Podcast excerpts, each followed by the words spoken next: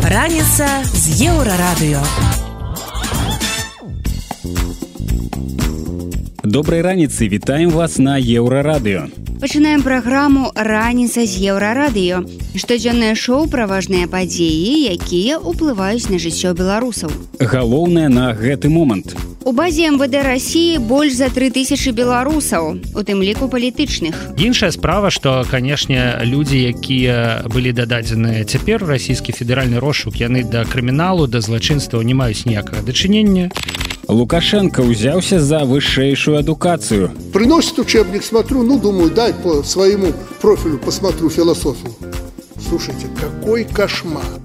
Джей Морс з прыгожымі песнямі да дня закаханых. і песня таксама завецца адлеглася паспрабую я ўзгадаць зараз для вас Не патрэбны я нікому. Падрабязнасці неўзабаве. Еўрарадыё. Інтэграцыя саюзнай дзяржавы ў дзеянні. Толькі надоечы амбасадар Беларусі ў рассіі марыў, як было б добра аб'яднаць базы экстрэмістаў і вось учора з'явілася інфармацыя, што некаторыя базы ў саюзнай дзяржаве ўжо агульныя. Журналісты медыязоны змаглі спампаваць увесь спіс вышуку рассіі каля 100 тысяч імёнаў і там знайшлося каля трох тысяч чалавек з беларусі сярод іх не толькі злачынцы але і палітычныя апаненты рэжыму актывісты журналісты і беларускія добраахвотнікі якія ваююць на баку ўкраіны Напрыклад, сярод тых, каго ўлады Беларусі шукаюць на тэрыторыі рассіі, э, гэта прадстаўнікі аб'яднанага пераходнага кабінета, ініцыятывы Белпол і Байсол фонду беларускі дом у варшаве. шмат там і журналістаў. Сярод іх і галоўны рэдактар еўрарадыё павел свярдлоў. Вось як ён каментуе гэтую інфармацыю. Ну увогуле мне здаецца, што тое, што людзей, якіх шукаюць па крымінальных справах у Беларусі, шукаюць таксама праз федэральны розшук у рассіі гэта лагічна таму што мяжы паміж краінамі нема іншая справа што канешне людзі якія былі дададзеныя цяпер расійскі федэральны розшук яны да крыміналу да злачынства не маюць ніякага дачынення Так што ў прынцыпе я не здзіўлены я ведаю што беларусі на мяне адкрытыя дзве крымінальныя справы. Адна за ўдзел у ток-шоу план б на белсаце іншая за арганізацыю за ўдзелу арганізацыі марафона ў падтрымку палітвязняў Ну няхай шукаюць але ж я не хаваюся я кожны тыдзень выходжу у стрымы на youtube канале еўрарадыо большасць з тых каго яны ўвогуле абвясцілі ў гэты розшук яны знаходзяцца ў варшаве у вільні у іншых гарадах там Польшчы літвы у іншых еўрапейскіх гарадах. Тыя хто ведаюць што супраць іх у беларусі крымінальныя справы што іх шукаюць яны я ўпэўнены ў рассію і самі сабой не збіраліся. Ну а цяпер дык яны просто дакладна ведаюць Пра тое, што Расія небяспечная для ўсіх, хто цікавы лукашэнкаўскім сілавікам, вядома даўно. Цяпер гэты факт проста пацверджаны дакументальна. Але варта памятаць, што такім людзям небяспечна ехаць у любую краіну СНД. Вось толькі і самі журналісты медыязоны і юрысты падкрэсліваюць тое, што вас няма ў такой базе зусім не гарантыя, што вас не шукаюць. Што на гэты конт кажа адвакат і кіраўнік бюро легал статус Алесь Михалевич. Ёсць магчымасць зрабіць запыт у інтерпол гэта асобная частка. Ёсць магчымасць паглядзець э, на э, зрабіць запыт у расійскую расійскай федэрацыю так званую федэральны вышук. Яна фактычна сумешчана з базай снд ну то есть де-факто такая такі механізм ёсць. Але калі казаць пра базу снд даць гарантую што вам адкажуць праўду як бы я я бы не, не даваў так? Як як бы я такой гарантыі не дам тому что калі ім вельмі захочацца яны могуць адказаць что няма. По-другое можам сабе уявіць сітуацыю что вы правяралі пазаўчора а за гэты дзень два вы там з'явіліся так? Адзіная парада ў гэтай сітуацыі не рабіць рызыкоўных крокаў і не з'яўляцца там дзе да вас могуць дацягнуцца Далей у праграме раніца з еўрарадыё. Лукашенко ўзяўся за вышэйшую адукацыю. Приносит учебник, смотрю, ну, думаю, дай по своему профилю посмотрю философию. Слушайте, какой кошмар.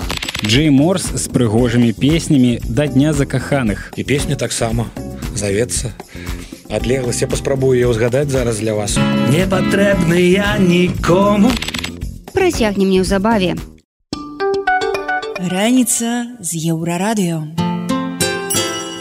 Студэнтаў беларусі чакаюць чарговыя змены бо за адукацыю учора зноў узяўся лукашенко і сабраў з гэтай нагоды вялікі сход чыноўнікаў і рэктараў вНУ. Ён заявіў пра неабходнасць страсануць вышэйшую адукацыю. Асабліва яго непакоіць тое што таленавітая моладзь стала з'язджаць з краіны і ён прапануе выйсці просто забараніць выязджаць маладым спецыялістам прычыну такой сітуацыі ён таксама назваў. Вядома справа не ў яго палітыцы а ў якасці вышэйшай адукацыі. Прычым пацвердзіў лукашенко гэта вынікамі нейкага апытання студэнтаў якое ён зладзіў відаць сам. Потым галоўны спецыяліст па адукацыі накінуўся на рэктараў бо яны нібыта працягваюць уладкоўваць ненадзейных выкладчыкаў если среди вас до сих пор работают люди которые не разделяют наши подходы, нашу политику и государственную идеологию, если вы трудоустраиваете вчерашних шатателей режима, то какие выводы я должен делать о вас? Это ваших студентов, одурманенных западными ценностями, мы видели на площадях в 20-м. И многие смыслы, которые их вывели на улицу, были заложены, к сожалению, в ваших аудиториях. Не обошел Лукашенко и тему подручников. Я же опять обучаюсь в силу семейного положения. Приносит учебник, смотрю, ну, думаю, дай по своему профилю посмотрю философию. Слушайте, какой кошмар. Это такого кошмара, я не хочу фамилии даже называть, некоторые известны, я не видел. И там ректор нашей академии, его назову, в первых строчках. Что они написали? Это ужас. Советские учебники давали четкие, структурированные ответы на все вопросы – А там такой хлам, ни один студент это не выучит. Карацей, з вышэйшай адукацыі ў краіне бяда. Вось толькі хто ж давёў яе да такога стану за апошнія 30 гадоў. Адгадайце з аднаго разу. Далей у праграме раніца з еўрарадыё. Джей Морс з прыгожымі песнямі да дня закаханых. І песня таксама завецца. Адлеглася паспрабую я ўзгадаць зараз для вас. Не патрэбны я нікому. Працягнем неўзабаве. Еўрарадыё. Еўрарадыё Нават у эміграцыі музычнае жыццё працягваецца. Гэта даводзіць і вядомы беларускі гурт Джей Морс. У лютым музыкі зноў вяртаюцца да традыцыі сваіх канцэртаў да дня ўсіх закаханых. Больш за 10 гадоў гурт ладзіў такія імпрэзы ў мінску, а цяпер вымушаны рабіць гэта ў выгнанні ў варшаве.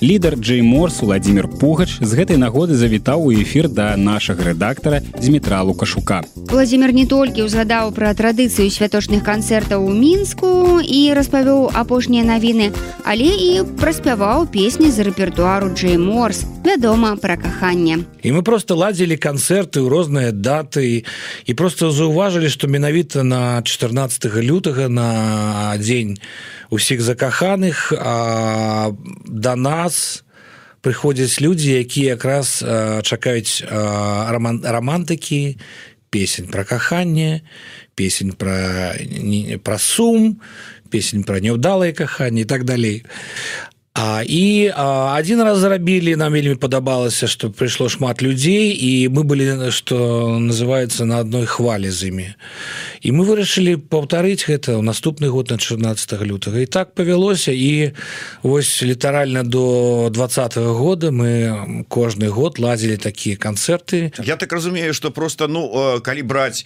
беларускі рок-н-рол то вы не ты як фронтмен як аўтар песен ну самы романтычны чалавек з наших рокераў Ну не анімеюся ні з кім романтыкай але мне блізка ну, яві так... сабе там нрм і вот на дзень закаханых сет вот ну ну я, на мой погляд гэта хутчэй стаўленне до сваіх слухачоў до ну, звязана со светапоглядам. Я упомніны что калі Леон захоча ён знойдзе у сябе ў рэпертуары у сваім таксама пэўную колькасць песень про каханне.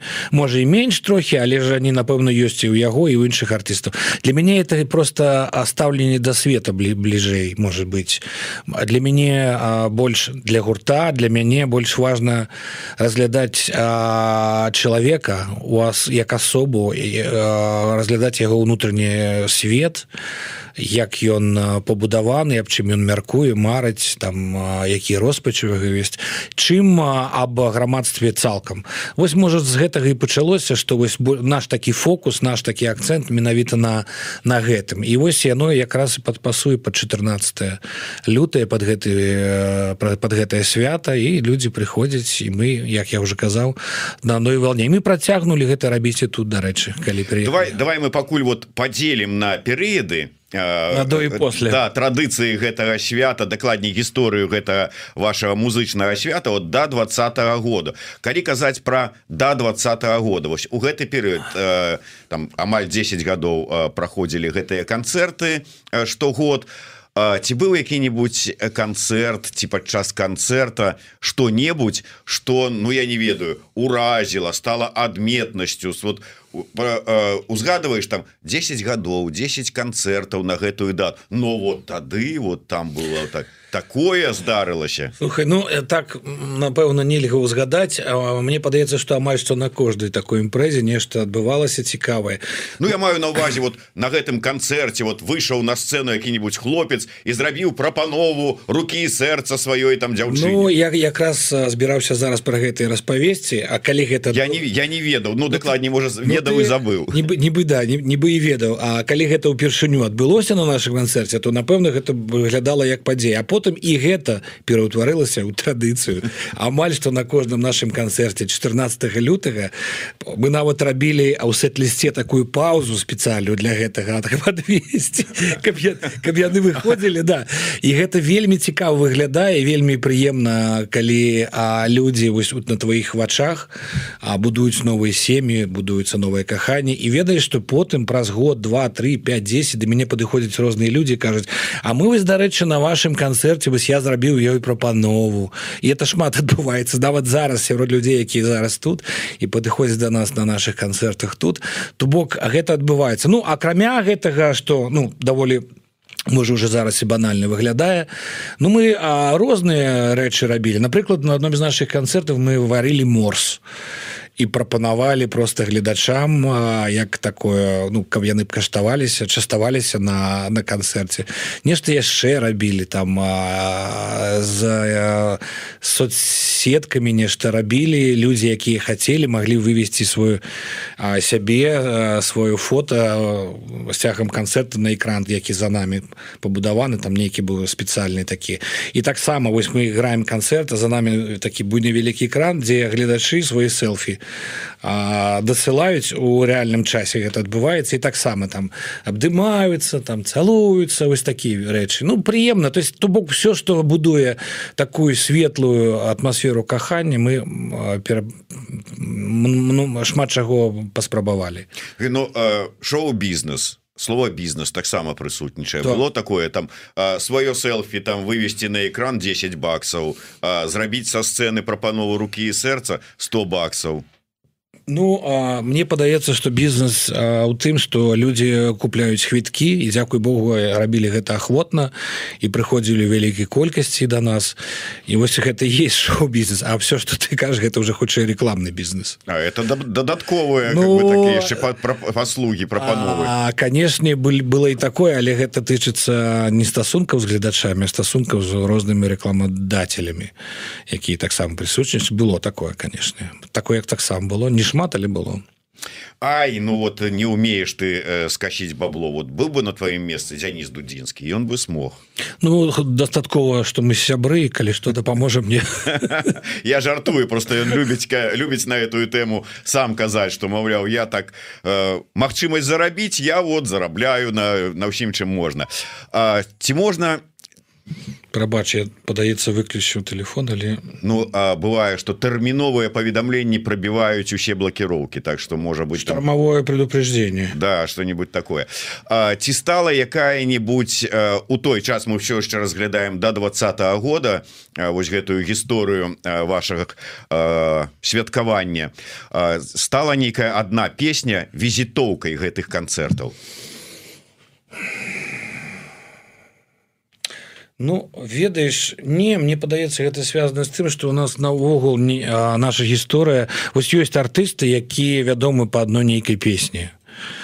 Якія там выпусцілі калісьці песню дзякуючы гэтай песні сталі там папулярнымі і з цягам жыцця з цягам творчай кар'еры. Вось гэтай песні ўвесь час такі пара такі по паровоз які цягне за сабой все стаць это не наш выпадак у нас вельмі шмат розных песень. Не ну безумоўна но і... вот а для 14 лютого вось менавіта гэтая песня ну... самая романтычная самая такая вот на цісне на пачуцці людзі яе вот менавіта ну, на гэтым канцэрце хотели. можа можа быть можа быть можна прызначыць менавіта адмыслова под гэты мерапрыемстве есть такая песня у нас завецца реальная любовь а, такі медляк які калісьці быў напісаны под такімі ўражаннямі такога кшталту про каханне а такая реальная гісторыя жыцця. І вось яна менавіта вельмі вельмі пасуе до гэтага вайба можа яна але я не могу сказаць что выключна она.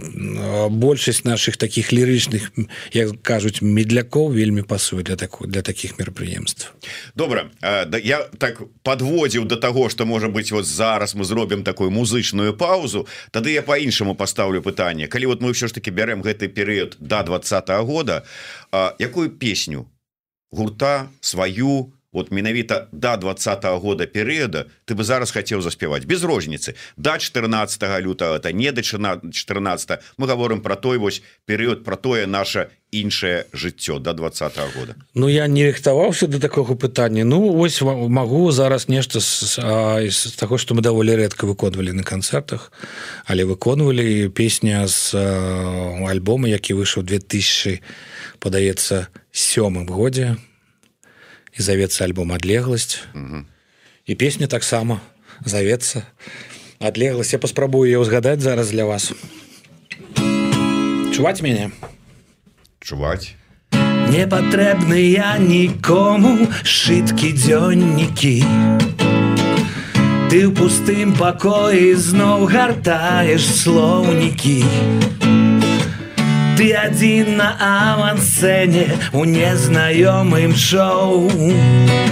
Час прэм'еры толькі што прайшоў. Ты сустрэў і развітаўся дотыкам рукі.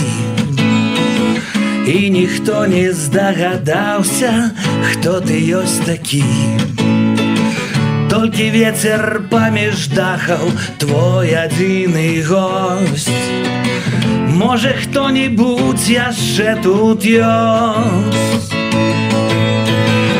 это толькі твоя адлегласць і ніхто не павінен ведаць Дзе як ты трымаеш контроль ідзе радасць твоя і твой боль.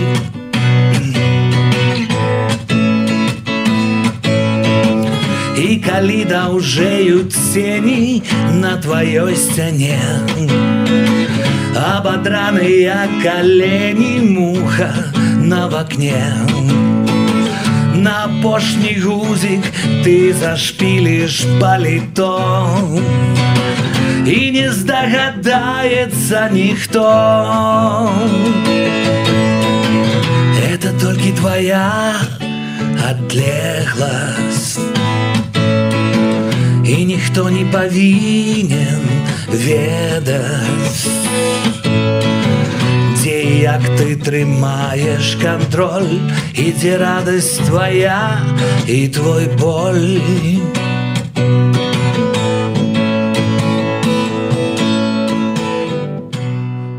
А цяпер пра жыццё гурта джейморс да 2020 года. Што музыкі рабілі падчас эпідэміі каранавірусу і якія ў іх былі адносіны з прадстаўнікамі ўладаў працягвае владимир пугач. Двадцатый год пачатак года гэта яшчэ часы ковіда. Хоць у нас беларусі э, ну афіцыйна не было не было ковіда но з канцэртамі былі пэўныя праблемы. Атрымалася зладзіць атрымался зладзіць 14 лютых двадцатого года. А, слухай я уже не памятаю падаецца калі было дазволена то мы зладзілі напэўна. То есть а, але дакладна уже мне все перамяшалася в галаве а можа і не не памятаю. Трэба ведаеш что как гэта можна спраўдзіць в інтэрнэце паглядзець ёсць відосы з 14 лютого 20 да калі ёсць напэўна ладзілі. Я уже мне пераблыталася все ведаеш что іншае мы здолелі зладзіць дакладна памятаю а 14 лютага 21 -го года вот я памятаю да, что... гэта был цуд тому что мы были упэўнены что нам мне уже не дадуць его сыграць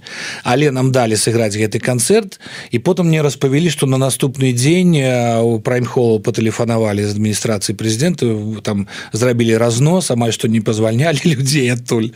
Але мы паспелі нейкім чынам просто было не да нас что завецца мы сапраўды зрабілі ў 21 годзе. Это быў адзін з наших апошніх канцэртаў Беларусі. Менавіта вось такі Ну да э, дарэчы э, зараз э, модна узгадываць я просто прыгадываю Івана падрэза зараз у мікіты мелкажёравы як ён сказаў что нават на песню года кайджибі прапіхівала свайго нейкага там прэтэндэнта былі гісторыі звязаныя вот з вашими канцэртамі і са спецслужбамі там можа быть там? Ну нейкія смешныя былі там ну, такія гісторыі адбываюцца у асноўным у не ў мінску а калі мы там ладзім тур прыязджаем там недзе там напрыклад я уже просто дакладна не, не памятаю дзе што было. У мозер нейкі отыгрываем канцэрт а потым мясцовыя гледачы ломяцца да грымёркі і час ад часу такое адбывалася што чалавек хацеў трапіць да нас пасля канцэрту падзякаваць там ці пажаць руку альбо што і каб яго прапусцілі паказваў корачку КДБ. Сапраўды такое было і не раз. Просто каб прайсці до да нас. праходзіць до да нас кажа ну прабачце хлопцы я вось тут скарыстаўся службовымі панамоцтвамі Дякую вам за канцэрты зыходзіў. Такое таксама было і не раз. Все что калі ты пытаешься менавіта вось звязаная з спецслужбамі ну падаецца все Ну вот дзіўна да? Ці не дзіўна это что там вот ты люди якія завязаныя на рэпрэсіі беларускага народа яны оказываются таксама прыхільнікі там і музыкі беларускай і я не ведаю блогераў беларускіх. Он і вулін рассказываў як яго там у за кратамі пазнавалі гэтыя ахоўнікі гэтак далей. Вот Ну мне гэта не дзіўна тому что я ніколі не верыў то что там паміж злом і добром такая мяжа вось э, конкретная і вось крок сюды гэта уже добро крок сюды гэта уже все гэта перамяшан напэўна есть люди якія увесь час служаць у гэтых этой сістэме слухаюць вольскага напрыклад. Можете у лявона запытацца напэўна ёсць такія таксама яго прыхільнікі я ведаю дакладна что і у нас есть такія прыхільнікі Ну вось неяк яно так. А вось гэта шэрая зона яна існуе у якой не, не вельмі складана высветліць які чалавек якіх ён поглядаў.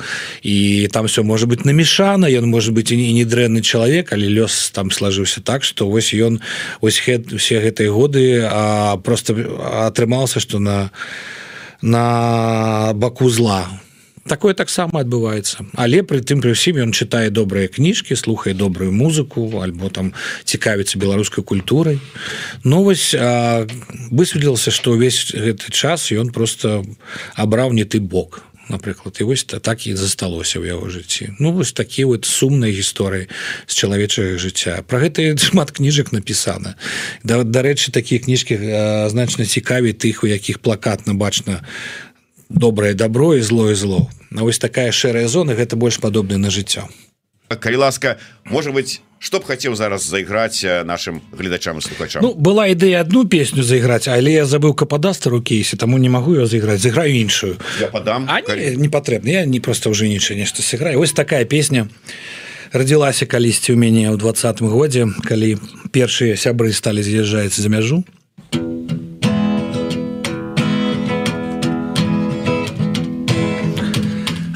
альбо пропаведь альбо споведь все дым той хто больше атрымаў пракаце святы парадыё суседняй палаце у шпіталі няма гарачай воды рыхтаваліся да світанку гады пакуль няма на вуліцах танкаў як ты я спадзяюся было варта амаль што не даходзяць факты. Трывай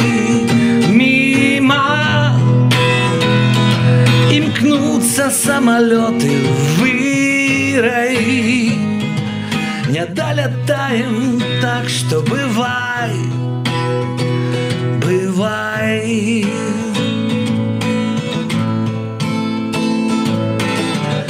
Мы як сонныя ў лістападзе сады раптам захварэла маці гады парадыё навіны ў палаце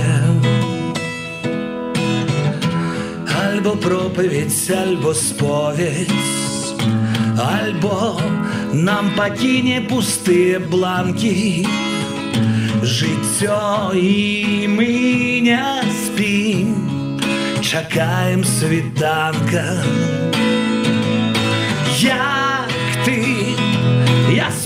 спадзяюся было варта амаль што не даходзяць факты трывай міма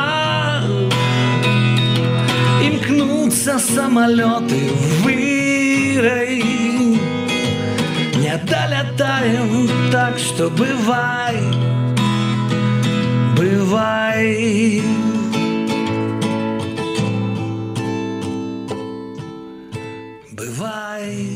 Гэта быў лідар гурта Джей Морс Владзімир Пугач. Пытаннічкі яму задаваў наш рэдактар Зміцер Лукашук. Ну Владзімир, як вы зразумелі, праспяваў песні і ўзгадаў пра традыцыю канцэртаў на 14 лютага, а яшчэ расказаў пра творчасць і пра музыку ў складаныя часы. Далей у праграме раніца з еўрарадыё. На берасейшыне летась зафіксавалі больш за 9 тысяч выпадкаў хатняга гвалту. Але гэта кропля ў моры. А, нету тела, нету дела. Это, к сожалению, до сих пор а, абсолютная реальность для Республики Беларусь. Элітная гімназія маці Колі Лукашэнкі атрымала 5 мільёнаў ад дзяржавы. Для сачэння за школьнікамі персанала маецца сістэма відэаназірання кіпот. Пра гэта больш падрабязна бліжэйшым часам.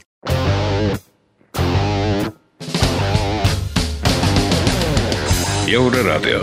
Мы яшчэ не дагаварылі. У брэсце плануюць адкрыць кругласутачную гарачую лінію для тых, хто пацярпеў ад хатняга гвалту. Пра гэта заявілі мясцовыя ўлады. І хаця пракуратура справаздачылася пра зніжэнне такіх злачынстваў на 9соткаў, апублікаваныя лічбы ў вобласці ўражваюць. За 23 год у міліцыю паступіла больш за 9 тысяч зваротаў. То бок гэта адбывалася кожную гадзіну. Усяго ў рэгіёне за мінулы год зафіксавана 35 цяжкіх і асабліва цяжкіх злачынстваў у сферы хатняга гвалту. Сярод іх 12 забойстваў і 23 факты наўмыснага прычынення цяжкіх цялесных пашкоджанняў. Ацаніць рэальныя маштабы праблемы вельмі складана. Тут трэба ўлічваць, што далёка не кожны раз ахвяры хатніх агрэсараў увогуле звяртаюцца па дапамогу, бо баяцца альбо не ведаюць, што рабіць. Вось якія парады жанчынам, што пацярпелі ў сітуацыі гвалту дае прадстаўніца па сацыяльнай палітыцы аб'яднанага пераходнага кабінета Вольга Гарбунова на YouTube-канале максімальна. Если речь идет о жизни и здоровье пострадавших и их детей, тут важно понимать, что все равно нужно обращаться в милицию, как бы ни было страшно, какой бы ни был риск от этого обращения и какое бы ни было разочарование, связанное с тем, что обычно вызов милиции заканчивается просто штрафом, который платится из общего семейного бюджета.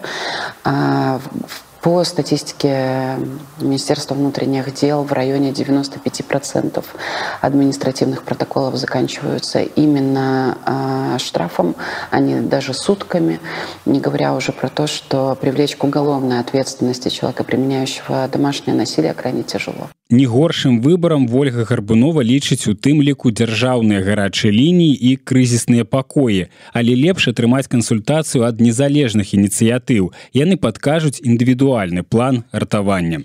Бо надзеі на дзяржаву ўсё адно мала. Улады дагэтуль не прынялі закон аб прафілактыцы хатняга гвалту бо ён не адпавядае іх уяўленнем пра традыцыйныя каштоўнасці далей у праграме раніца з еўрарадыё. Элітная гімназія маці колі лукашэнкі атрымала 5 мільёнаў ад дзяржавы. Для сачэння за школьнікамі персонала маецца сістэма відэаназірання кіпот. Падрабязнасці неўзабаве.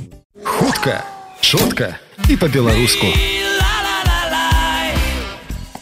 З 2020 по 22 год гімназія, якой валодае імаверная маці колі Лукашэнкі Ірына Абельская, за тры гады атрымала 5 мільёнаў рублёў з дзяржаўнага бюджэту. Гэта высветлілі расследавальнікі праекта бюро медыя.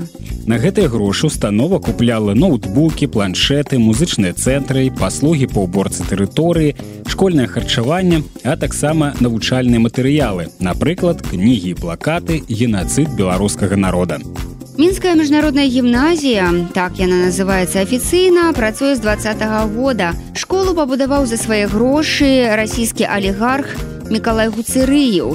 Падчас будаўніцтва ён заяўляў, што плануе ўкласці ва ўстанову каля 12 мільёнаў долараў і гэта вельмі элітная школа вучацца там толькі дзеці чыноўнікаў і набліжаных да рэжыму бізнесменаў. Таму гімназія максімальна не падобная да звычайнай беларускай. Вось які я апісваюць журналісты тэлеканала белсад у фільме прысвечаным школе абельскай. Увесь аб'ект з прылягаючай тэрыторыі займае больш за 30 тысяч квадратных метраў. На вуліцы пляцоўкі для міні-футболу баскетболу стрытболу і гандболу стадыён і трыбуны. А ў самой школе знаходзіцца радыёвузел фото кіналабараторыя пакой з навучальнай зброі і шмат іншых інша. Для сачэння за школьнікамі персанала маецца сістэма відэаназірання кіпот, якой, дарэчы, карыстаюцца і беларускія сілавікі. Вось яна краіна для народа. Усе роўныя, але некаторыя раўнейшыя за іншых. Раніца з еўрарадыё.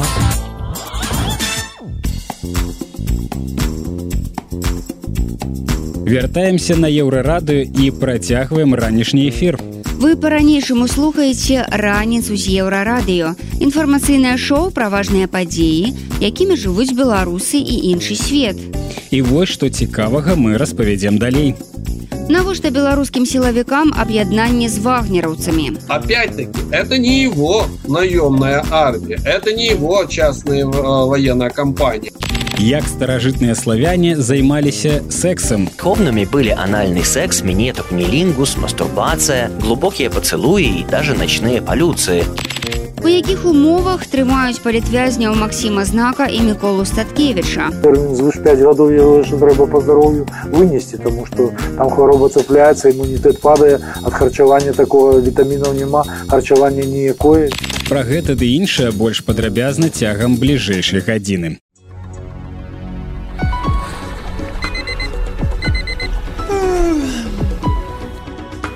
Раніца з еўрарадыё. Калабарацыя года адбылася. ПВК Вагнер і ўнутраныя войскі міністэрства ўнутраных спраў Рэспублікі Беларусь аб'ядноўваюцца. Цяпер на шаўронах сілавікоў, якія прайшлі паскораныя курсы павышэння кваліфікацыі, акрамя лагатыпу мус Беларусі, вышыта група Вагнер. Моду на новыя нашыўкі запусціў намеснік міністра ўнутраных спраў Мікалай Карпянкоў. Ён жа заявіў, што найміты будуць кантраляваць бяспеку падчас так званага адзінага дня галасавання, прызначанага на 25 лютага. То бок вагнераўцы ўжо сталі часткай беларускіх унутраных войскаў. А ці стануць яны эксклюзіўным баявым атрадам самого лукашэнкі. Чым баевікі так небяспечныя для беларусаў і украінцаў і ў сваю чаргу карысныя для беларускага рэжыма? На пытанне выдання маланка адказвае вайсковы эксперт александр каваленко. Скажем так чвк вагнер на территории беларуси присутствует уже достаточно давно. Российский контингент в принципе после того как покинул территорию беларуси в основным своим составом Э, ударным составом в 2022 году после бегства с Киевской, Черниговской, Сумской областей. оставался в присутствии, ну, например, персоналом средств ПВО, обслуживающим персоналом авиации, комплексов РЭП, РЛС, авиационные компоненты, само собой, там многофункциональные вертолеты. Но, кроме всего прочего, на территории Беларуси также появились со временем представители ЧВК «Вагнер», особенно это было в 2023 году, хотя в 2022 они также там присутствовали как инструктора, которые подготавливают белорусских военных, представители спецподразделений, проходят, помогают им проходить тренировки с учетом боевого опыта и так далее. И, в принципе, а, даже после того, как с территории Беларуси была выведена а, большая часть ЧВК «Вагнер» в 2023 году, там до сих пор остается 500 человек, примерно такой, э, такого количества, которые принимают постоянное участие в учениях, в подготовке э, белорусских подразделений. Поэтому э, наличие вот этой компоненты, ну, абсолютно э, неудивительно, за ней уже достаточно давно э, наблюдают – единственное, что если говорить о тех или иных угрозах, то для Украины, например, они не представляют какой-либо глобальной угрозы, за исключением, например, в некоторых случаях диверсионно-террористической деятельности. Точно так же, как и для любой другой страны, которая граничит э, с Беларусью. Но опять-таки речь идет о Польше, речь идет о странах Балтии, Литве и так далее. И в этом контексте, да, такая группировка, она как диверсионно-террористическая, малыми группами, которые способны проникать на территорию стран, они могут представлять угрозы. Э, угрозы какого-либо вторжения, э, создания ударной группировки даже в компиляции с белорусской армией нет. Но если не говорить о соседних странах, то для э, внутреннего в внутреннего вопроса 500 э, вагнеровцев – это довольно-таки серьезная проблема для, например, э, протестного движения в Беларуси. Если возникнет какая-либо ситуация, э, которая будет представлять собой угрозу для диктатора Лукашенко, то он вполне может использовать не только ресурс своих силовых структур и даже армии в случае чего – ну и, конечно же, этих э, вагнеровцев, которые могут выполнять более широкий функционал. Не только э, для защиты самого Лукашенко, но и для, например, э, похищения лидеров оппозиции, которые могут находиться на территории Беларуси, которые могут возникать в будущем, в конце концов, лидеров движения, э, для устранения, физического устранения этих людей, даже в масштабах разгона протестов, демонстраций, митингов – а, с применением а, силовых элементов, которые могут а, повлечь летальный исход. То есть наемники могут, в отличие от белорусской милиции или белорусских там других каких-либо подразделений, могут более свободно пользоваться летальными средствами поражения для убийства, скажем так. И они будут за это нести намного меньше ответственности, чем даже представители так называемых правоохранительных органов.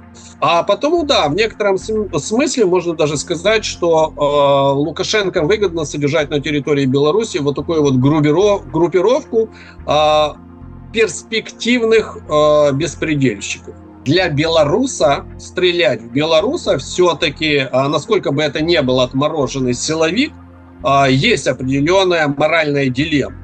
И перед тем, как нажать на спусковой крючок на курок, а, перед этим он все-таки думает, он об этом подумает. Если мы говорим о наемнике из ЧВК «Вагнер», то он думать не будет, ему как-то плевать.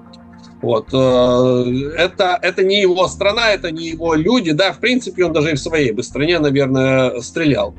А, поэтому Э, степень отмороженности ЧВК «Вагнер», она куда более высокая, э, чем у белорусских силовиков, и это полностью удовлетворяет Лукашенко. Он может в этих вопросах на них положиться. Важное адрозненне намітаў ад рэгулярных войскаў у іх самастойнасці і ненадзейнасці.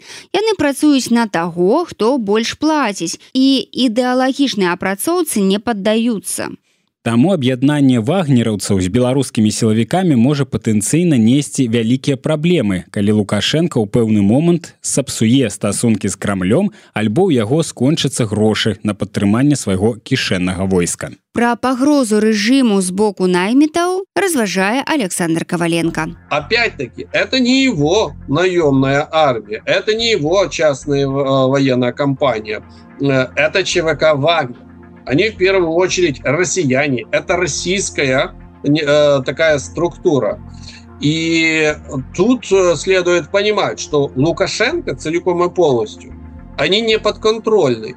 И все зависит исключительно от того, а что в интересах Москвы, какие интересы преследует Москва. Лукашенко может думать, что он может полагаться на а, вагнеровцев, но вагнеровцы это именно те, на кого полагаться не следует. Даже Москва не смогла на них полноценно полагаться, и в 23 году они отправились в поход на столицу России. Поэтому, ну, как бы наемники, они наемниками, Э, но предсказуемость там абсолютно минимальная. З намі быў Александр Каваленко, военный эксперт. Ён расклаў, якія мінусы і плюсы для рэжыма Лукашэнкі нясе аб'яднанне ПВК Вагнер з беларускімі унутранымі войскамі.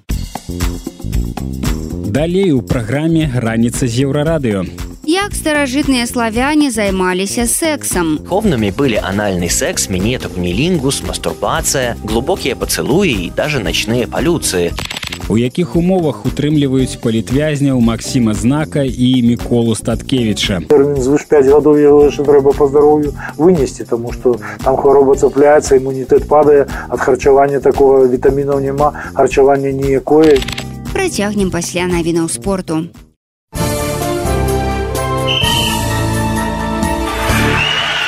На еўрарадыё навіны спорту. Міжнародная федэрацыя хакея працягнула на яшчэ адзін сезон адхілення зборных Беларусі і рассіі. Беларускія хакеісты не змогуць прыняць удзел не толькі ў чэмпіянаце свету, але і ў адборы на алімпіяду. Наступны раз пытанне допуску будзе разглядацца ў траўні 2025. -го. У федэрацыі хакея Беларусі абураныя прыцягненнем санкцый там чамусьці лічаць, што міжнародная федэрацыя дзейнічае не самастойна. У беларускай хакейнай экстралізе шахцёр нечакана быў разгромлены на сваёй пляцоўцы юнацтвам 4-0. Таксама нечакана дынама маладзечна разграміла Нёман 62. У шахцёра засталося 80 ачкоў, у віцебска 76 і матч у запасе. У юнацтва 70 ачкоў. Усе 16 каманд дапушчаныя да чэмпіянату беларусі по футболе ў вышэйшай лізе. Рашэнне па сямі з іх у тым ліку шахцёра і батэ адкладвалася з-за адсутнасці пэўных фінансавых дакументаў. Цяпер жа і яны атрымалі ліцэнзіі федэрацыі Іспанскі трэнер зборнай Беларусі па пляжным футболе Нікалас Альварада выбраў 12 гульцоў, якія прымуць удзел у чэмпіянаце свету ў аб'яднаных арабскіх эміратах. Ужо 16 лютага беларусы правядуць першы матч са зборнай сенегала.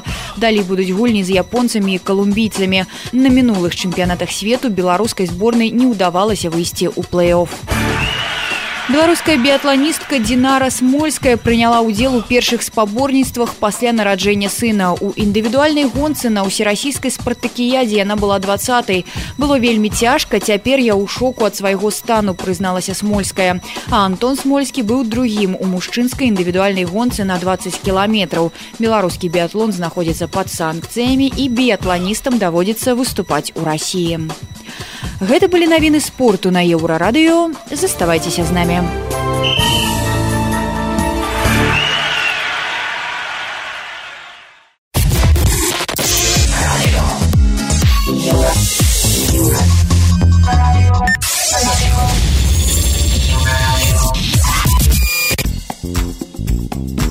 Беларусы дакладна не забудуць сёлетні дзень святого валянціна бо адразу пасля свята ў краіне перастане працаваць ціндер найбольш знакаміты ў свеце мабільны дадатак для знаёмстваў і пабудовы романтычных стасункаў. Стваральнік проекту новая Беларусь павел лібер ужо абяцае ў бліжэйшай будучыні стварыць замяняльнік ціндера але пакуль яго няма дзе беларусам шукаць свае другія палавінкі YouTube канал выдання зеркала прапануе не адчайвацца і звярнуцца да досведу нашых продкаў часоў полацкага княства. У мінулым інтымнае жыццё веравала і было магчыма не менш яскравым, чым цяпер. Слухаем, якія сексуальныя практыкі існавалі на тэрыторыі Беларусі ў часы старажытных славян і кіеўскай Русі. Первая информация об отношении древних славян к сексу появилась еще у византийских авторов. Историк-дипломат Приск Панийский жил в V веке нашей эры и описывал быт скифских племен. Этнографы Надежда Адамович и Наталья Серегина в своей книге «Интимная Русь» склоняются к мысли, что речь именно о славянах, хотя византийцы всех северных варваров называли скифами. Так вот, делегация византийцев вошла в селение. Правившая в селении женщина послала нам пищу и красивую красивых женщин для соития – это по-скифски знак уважения. Ласково поблагодарив женщин за предложенную еду, мы отказались от сношения с ними. Древние славяне-язычники были мало знакомы с недавно появившейся христианской моралью и сопутствующими ей ограничениями и нормами поведения. Игорь Кон в книге «Клубничка на березке» писал, что они считали сексуальность естественной частью космоса. Например, в народных песнях березка нежно и страстно сплеталась с могучим дубом. Мать земля оплодотворялась небесным дождем и так далее. Многие сексуальные обычаи славян были связаны с сельским хозяйством. Например, вплоть до конца XIX века во многих регионах бывшей Древней Руси мужчины оплодотворяли землю. Землепашцы занимались сексом с женами и любовницами прямо на вспаханном поле, изливая при этом семя на землю и таким образом передавая ей свои силы и страсть. А в более поздние времена они могли сеять зерно без штанов или вовсе обнаженными, мастурбировать перед посевом, орошая землю спермой. А если сеяла сеяла женщина, она выливала на вспаханную землю семя мужа. Белорусы в Витебской губернии после посева льна раздевались и катались голыми по земле. На Полесье при посадке огурцов мужчина снимал штаны и обегал посевы, чтобы огурцы стали такими же крепкими и большими, как его пенис. В летописях рассказывалось, что у племени древлян, которые жили на Полесье на границе современных Украины и Беларуси, браков не было, а девушек похищали у рек, по которым проходили основные торговые пути. У родимичей, которые населяли восток нынешних Могилевской и Гомельской областей, браков тоже не бывало, но устраивались игрища между селами и сходились на эти игрища, на пляски и на всякие бесовские песни, и здесь умыкали себе жен по сговору с ними, имели же по две и по три жены жены. Или вот летописцы писали «Рыщут на гуляниях и по пляске узнают, которая жена или девица исполнена похотливым желанием к юношам и от взглядов, и от обнажения частей тела, и от жестов и обмена перстнями, плотью и сердцем распалясь, целуются с лобзанием и совокупляются». Такие праздники называли русалиями. Важная деталь. В то время нижнего белья в современном понимании этого слова не было. Под исподними рубашками участвовавших в русалиях обычно обычно ничего не было, а именно в них прыгали через костер, что добавляло в обряд эротизма и возбуждало интерес у противоположного пола со всеми логичными последствиями. В IX веке на территории современных Беларуси, России и Украины, а еще частично Польши и стран Балтии, появилось средневековое государство восточных славян – Киевская Русь. Но многие прежние традиции оставались в силе, например, многоженство. У киевского князя Ярополка была жена родом из Византийской империи, и одновременно он посватался к полоцкой княжне Рогнеде, которая должна была стать его второй женой. Но Ярополка убил младший брат Владимир, захватил Полоцк и на насильно взял Рогнеду в жены, а вдобавок сделал наложницей и упомянутую жену старшего брата. Всего же у Владимира, вероятно, было пять жен, а также огромное количество наложниц в разных городах. С приходом христианства в 988 многоженство никуда не исчезло. Церковь и государство начали вести с ним решительную борьбу. В церковном уставе киевского князя Ярослава Мудрого, сына Рогнеды, были статьи об ответственности за многоженство. В случае измены жены с любовником или появления появлении у нее второго мужа, последнего судил митрополит или церковный суд, который накладывал на этого человека штраф, а саму женщину отправляли в монастырь. А тот, кто женился на двух женщинах, должен был выплатить 20 серебряных гривен. Для сравнения, боевой конь тогда стоил 4-5 гривен, а за 10 можно было купить раба. Вторую жену отправляли в монастырь. Тем не менее, как отмечал историк Борис Романов, многоженство на Руси еще несколько веков после принятия христианства оставалось являлась обыденностью. Конечно, речь не о классических гаремах, как в Османской империи. Вероятно, в то время нередко существовали параллельные семьи, где каждая супруга с детьми жила отдельно. В умовах сённяшняй войны беларускі рэжым по прыкладу крамля распачаў барацьбу за традыцыйныя каштоўнасці, сярод якіх значыцца класічная сям'я, саюз мужчыны і жанчыны, дзіцянараджэння. У старажытныя часы сексуальныя паводзіны таксама рэгламентаваліся з абшчыны і рэлігійных інстытутаў і абмежаванні часам былі не менш строгімі чым сёння працягваем распавядаць пра інтымнае жыццё старажытных славян как писал игорь кон христианство принесло с собой не только неизвестное раньше ограничение но и негативное отношение к сексу как таковому например секс разрешался только в определенное время воздержание было обязательным в пятницу субботу и воскресенье воскресенье, в церковные праздники и постные дни, то есть люди могли заниматься сексом не больше 5-6 дней в месяц. Целью секса могло быть исключительно деторождение, допускались только вагинальное проникновение и миссионерская позиция. Все прочее считалось греховным. Позиция «женщина сверху» воспринималась как великий грех, потому что по тем обычаям доминировать должен был мужчина. Позиция «мужчина сзади» также запрещалась, поскольку якобы напоминала поведение животных или гомосексуальный акт акт. Греховными были анальный секс, минета кунилингус, мастурбация, глубокие поцелуи и даже ночные полюции с сопутствующими эротическими сновидениями. Наказанием было многолетнее покаяние с земными поклонами, а могли и вообще от церкви отлучить. До начала 13 века даже в Западной Европе среди священников бытовало мнение, будто бы сексуальное наслаждение само по себе зло, которое следует избегать, хоть брачное соитие грехом не считалось. Ничего нет мерзостнее, чем любить свою жену точно любовницу, писал святой Иероним. В результате в средневековом обществе, в котором религия играла ключевую роль, тема секса стала табуированной.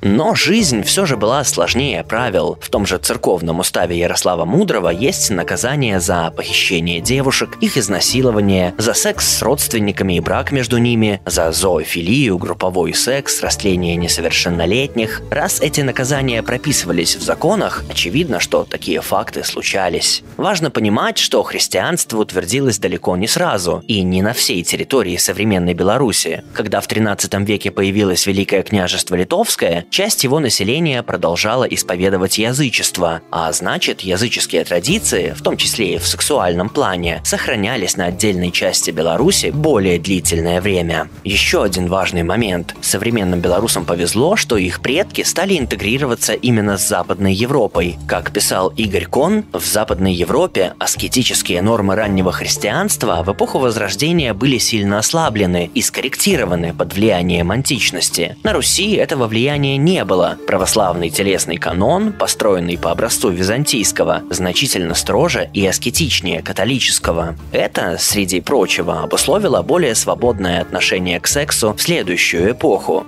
Ну а мы слухали YouTube канал выдання зеркала. Яго аўтары распавялі, як у раннім сярэднявеччы славяне займаліся сексам, як выкарыстоўвалі сексуальныя практыкі ў сельскай гаспадарцы і як абмяжоўвалі сваё інтымнае жыццё. Далей у праграме раніца з еўрарадыё.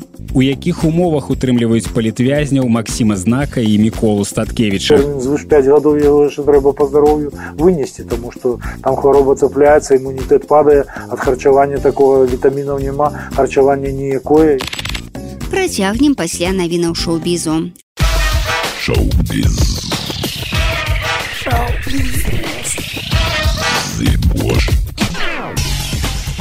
Вітаю гэта навіны шоу-бізу зорка фільма урокі 4 універсальны салдат і нястрымныя дольф лунгрен і яго жонка эма кроксдал сталі грамадзянамі ЗША акцёры яго маладая жонка прынялі ўдзел у цырымоніі натуралізацыі якая адбылася ў лос-анджелесе якая азнаменавала прысваенне ім афіцыйнага статусу грамадзян злучаных штатаў.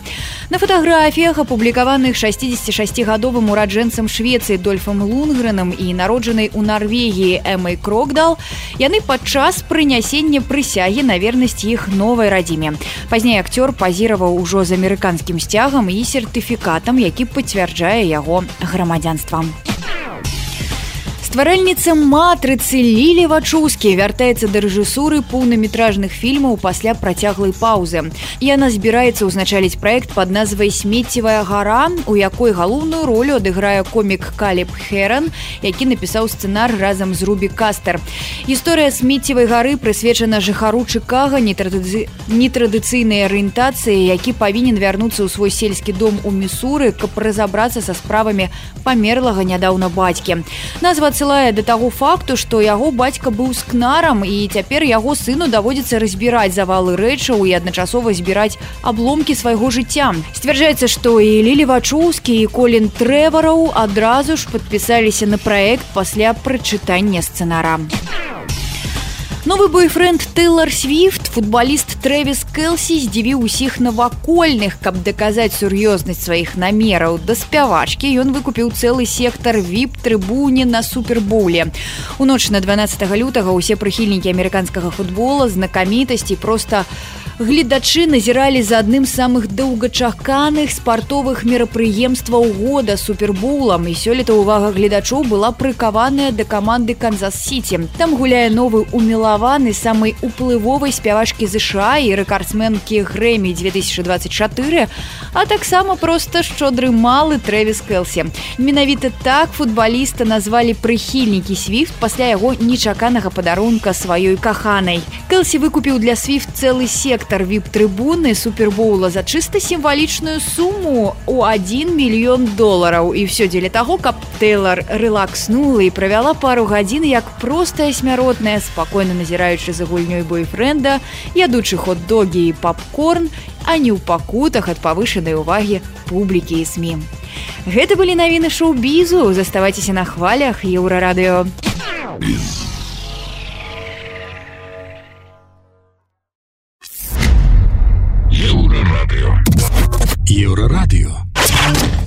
у лютым споўніўся год як няма звестак ад палітвязняў міколы статкевіча і Масіма знака. Абодва беларусы трапілі ў турму праз удзел у апошняй прэзідэнцкай кампаніі. Статкевіча затрымалі ў траўні а знака восенню два -го года. Зімы 23 ад іх перасталі прыходзіць лісты а родныя і адвакаты не могуць трапіць на сустрэчу з імі. У міжнародным праве ёсць спецыяльны тэрмін для такога статусу інкамунікада. Ён азначае знаходжання асуджанага без права перапіскі і спатканняў. Эксперты лічаць, што рэжым пайшоў на гэты крок, каб запужаць грамадства і каб людзі як мага хутчэй забыліся на палітвязняў. Інкамунікада прызнаюць свайго рода катаваннем і цяжкім парушэннем правоў чалавека. Праваабаронца Наталія Сасункевич распавядае выданню радыёвабода, у якіх умовах адбывае свой тэрмін Мікола Статкевич. Мікола Статкевич палітычны дзеяч, лідар незарэгістраванай у Беларусі партыі народная грамада, адзін са стваральнікаў грамадскага аб'яднання беларускае згуртавання вайскоўцаў. Статкевіча судзілі ў справе ціхановскага, судовыя паседжанні, у якой праходзілі ў закрытым рэжыме цягам амаль 6 месяцаў. Усе абвінавачаныя атрымалі вялікія тэрміны ад 14 до 18 гадоў турмы. Самому мікалаю 14 снежня 21 году прысудзілі 14 гадоў зняволення ў калёніі асаблівага рэжыму. Адбываць пакаранне статкевіча адправілі ў глыбоцкую калёнію нумар 13. Инкоммуникада – это нахождение осужденного человека без права переписки, свиданий с родственниками и, и защитником ну, то есть адвокатом, как мы привыкли в нашей практике. Если оценивать с юридической точки зрения, то инкоммуникада – это нарушение национального белорусского законодательства, потому что по белорусскому законодательству э, осужденные имеют право э, иметь переписку и общаться и с защитником, и с родственниками, и тут еще право на защиту задевается, да, когда у человека нет свободного доступа к адвокату и к правовой помощи. Ну и также э, международные инстанции говорят о том, что это нарушение седьмой статьи Международного пакта о гражданских политических правах, э, это право на гуманное обращение с заключенными. Праваабаронцам вядома, што толькі за перыяд з 10 траўня 23 -го году да міколы статкевіча прымяняліся розныя меры спагнання 9 разоў. Вымовы адзін раз, пазбаўленне пасылкі альбо перадачы адзін раз, пазбаўленне кароткатэрміновага спаткання адзін раз, пазбаўленне працяглага спаткання адзін раз, змяшчэнне ў штрафны ізалятар 5 разоў. З таго часу ўся інфармацыя пра міколу статкевіча трапляе да родных і журналістаў праз другія рукі, аповеды былых зняволеных, якія бачылі палітвязня ў турме. Так у другой палове лістапада 23 -го году сваякі Миколая атрымалі пацверджанне, што ён дагэтуль знаходзіцца ў глыбоцкай калёніі нумар 13, дзе сядзіць па чарзе то адзіночнай камеры ПКТ, то камеры штрафнога ізалятару. Яго пазбавілі права на званкі і адзіных нагод перадачы і спаткання.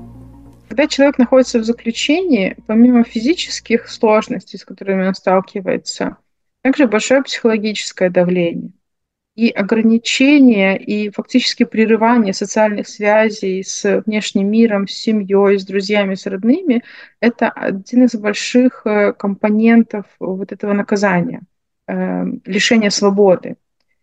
Сама сейчас пенитенциарная система и особенно вот эта э, система наказания для политических заключенных по политическим делам, она имеет такую ярко выраженную Э, репрессивную подавляющую функцию. Это все превращается ну, фактически в форму пытки. Человек существует в очень тяжелых, негуманных, пыточных условиях. Пасля амаль году адсутнасці лістоў 3 студзеня 24 году з'явілася першая інфармацыя пра паліць зняволенага палітыка, але не ад яго самога. Рэчавую перадачу вярнулі трэці ўжо раз запар і чарговы ліст атрымала ў адказ на свой. Ну няма там большага злачынцы, чым мікола Статкевіч. Працягвае адмаўляцца выконваць. Што ж сабе прынамсі не здрадзіў, напісала жонка палітвязня Марына Адамович у сваім фейсбуку. Сейчас нахождение в белорусской тюрьме – это э, точно ты теряешь, во-первых, годы жизни, во-вторых, здоровье, и можешь саму жизнь потерять. И, конечно, ну, представьте, родственники находятся в такой ситуации, они не знают, что происходит с близким человеком, они не могут его поддержать, не могут ему оказать какую-то помощь. И, конечно, я бы тоже расценивала это как форму жестокого, бесчеловечного обращения, в какой-то степени даже пыткой, в отношении родственников. Паводле звестак байпол. На пачатак студзеня 24 -го году мікола статкевич быў зноў змешчаны ў пКт акрамя таго на палітыка сабралі матэрыял для завядзення на яго крымінальнай справы паводле артыкулу 411 крымінальнага кодексу беларусі. Злоснае непадпарадкаванне патрабаваннем адміністрацыі калоніі паведамляла ініцыятыва байпол конкретные действия, да, с которых начинается инкоммуникада на базовом уровне, совершают, конечно, сотрудники э, исправительных учреждений, там, колонии, тюрем, СИЗО. Э, это ну, просто рядовые сотрудники, их начальники, цензоры, администрация, э, если смотреть шире, да, например, начальник колонии. То есть эти люди, которые своими руками не передают письма, уничтожают их. Это все, ну, это часть преступления. Эм, чуть более высокий уровень, да, это подозреваю, что структуры Министерства внутренних дел, э, в которых вот эти вот политики обращения с заключенными как-то вырабатываются. И, конечно, чиновники, политики высокого ранга белорусского режима, включая самого Александра Лукашенко, э, министра внутренних дел, это те люди, в чьей непосредственной власти это находится э, вот обращение с э, заключенными в Беларуси. Э, также важно упомянуть органы прокуратуры, которые должны осуществлять надзор за законностью всего происходящего в стране. Они тоже причастны к этим преступлениям. Статкевич не адзіны, з кім няма сувязі такі працяглы час. Няма звестак пра Марыю Калеснікаву, Ігара Лосіка, Максіма Знака, Віктора Бабарыку, Сергея Ціхановскага правозащитные организации продолжают документировать пытки. Мы собрали уже более трех тысяч свидетельств о пытках. Очень важно, обращайтесь, пожалуйста, к правозащитникам, мы зафиксируем э, эту информацию, она точно не потеряется. Есть очень большая вероятность в том, что в совсем недалеком будущем она будет применена и ляжет в основу обвинений и поможет восторжествовать э, справедливости и праву. Беларусі. У двадцатым годзе юрыст Макссім знак далучыўся да штаба Віктора Бабарыкі, а з пачаткам масавых пратэстаў у Беларусі стаў прадстаўляць інтарэсы беларусаў, якія патрабуюць перамен. Да свайго затрымання ён неаднаразова заклікаў да законнасці з боку пратэстоўцаў і сілавікоў.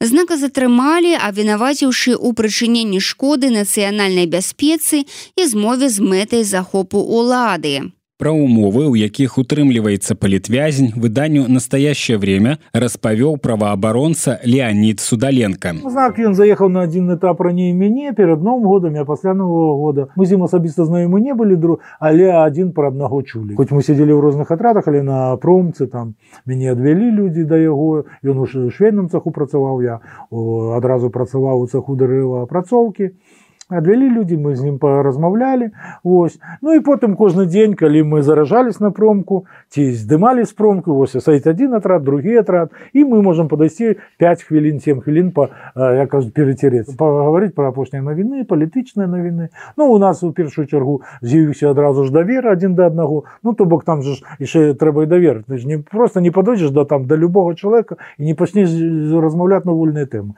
тым больш что сядзіш без права перапіскі толькі ёсць тэлефон телефонные звонки 4 телефонные звонки по 10 хвілін до хаты. Але э, палітычныя то і Макссім знак тэлефануюць у прысутнасці оперы які сядзіць і слухае і кажа пра што нельга размаўляць як толькі хтосьці спрабуе пра штосьці паразмаўляць про такую палітыку ён адразу сувязь выключае тому что ён сядзіць мае магчымасць выключыць і адразу рапорт піша ищи за ён адразу нічога не казаў ні пра якія рэпрэсіі сидзеў ён роўна хотя я разумеў яго вялікі тэрмін я памятаю выпадак як я 15 сакавіка сакавіках это дзень беларускай канституцыі там зранку пасля зарядки буквально там Макссім знак 9 отряд з рэчамі на выхад ну такая команда з рэчамі на выхад вельмі такая дурная такая навіна гэта ці на раскрутку на новый этап ці яшчэ кудысьці ці на іншую зону. І, ну это вельмі складана ну але яго забралі прыйшлі эти кантралёры забралі завялі на КП.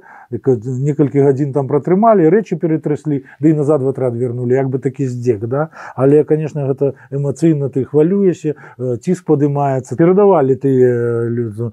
Ну той чалавек які там е, ну там же ёсць баландзёр які баланду там раздае гэтым перадаваў что он вельмі складана маральным таким стане Макссім знак прапаў я уже даведаўся што яго за закрылі у шиза. Я на сёмы дзень уже пачынаў разумець што у меня дах едзе уже змены адбываюцца ў галаве уже у маёй свядомасці адчуваў адбываюцца змены А калі там быць год, ну чалавек конечно прывыкае так?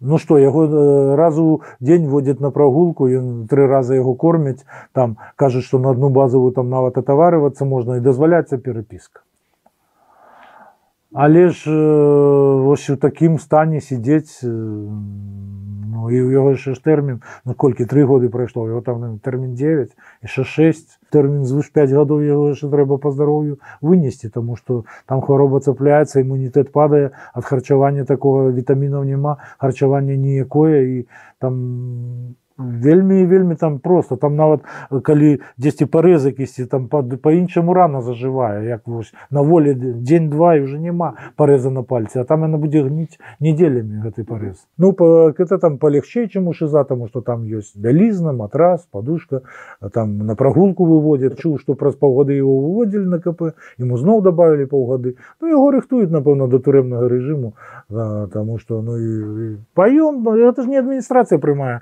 гэта рашэнне рашэнні я ўпэўнены што гэтыя рашэнні прынимаюць генералы дзесьці ў дзенні там а, не менш А хто дае каманду генералам які там генерал у дзенні будзе ведаць про Макссіма знака калі ему не позвоняць з адміністрацыі прэзідэнта не скажа што вось это вораг народа чым больш э, публічны чалавек заязджае тым больш да его увагі з боку адміністрацыі я гэтую тэндэнцыю заўважу палітычных таксама адміністрацыя дзеліць на класы да і я шмат ведаю якіх усе палітычныя з парушэннямі сядзяць ні адзін палітычны не сядзіць без парушэння А калі ёсць парушэнне гэта значыць што ты не стаў на шлях выпраўлення гэта значыць такія опцыі як умоўна датэрміновая ці замена режима гэтыя опцыі на цябе ніколі не будуць дзейнічаць тому что ты злоснік ты не стаў на шлях выпраўлення да тебе прыходзяць як тыя сабакі цепляюцца кантралёры кожны вечар ну мешаюць табе жыць то бок звычайны зэк будзе сядзець там попсу расійскую дзе-то ў ленцы перад тэлевізорам глядзець гэтыя дыскі ж дазваляюць гэта амерыканскія баевікі будзе глядзець глядзець а палітычна будзе ў гэты час дадаткова праверка профулік гэта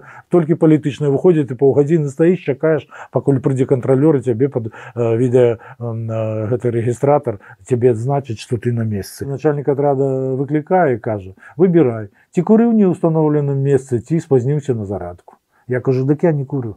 Значит спазніўся на зарядку я кажу не на зарядку хадзіў добра все няма пытання тут же прыбегаюць мне кантралёры вядуць у кішарку і на, находят там на у сумцы зубачыстку просто выпала зубачыстка одна выпала з пачки. Пачка зубачыстак у меня записана. Але яшчэ одна асобна лежит зубачыстка і вось гэта парушэнне тому что она не упісаная в опіс у любым момант як пружына ты чакаеш что вось у любы момант там можа штосьці штосьці адбыцца. І конечно гэта не добавляе здоровья мы слухали праваабаронцаў леоніда судаленку і Наталю сасункевич яны распавялі у якіх умовах утрымліваюцца палітвязні Масім знак і мікола статкевич і пра якіх няма навін вось ужо як год.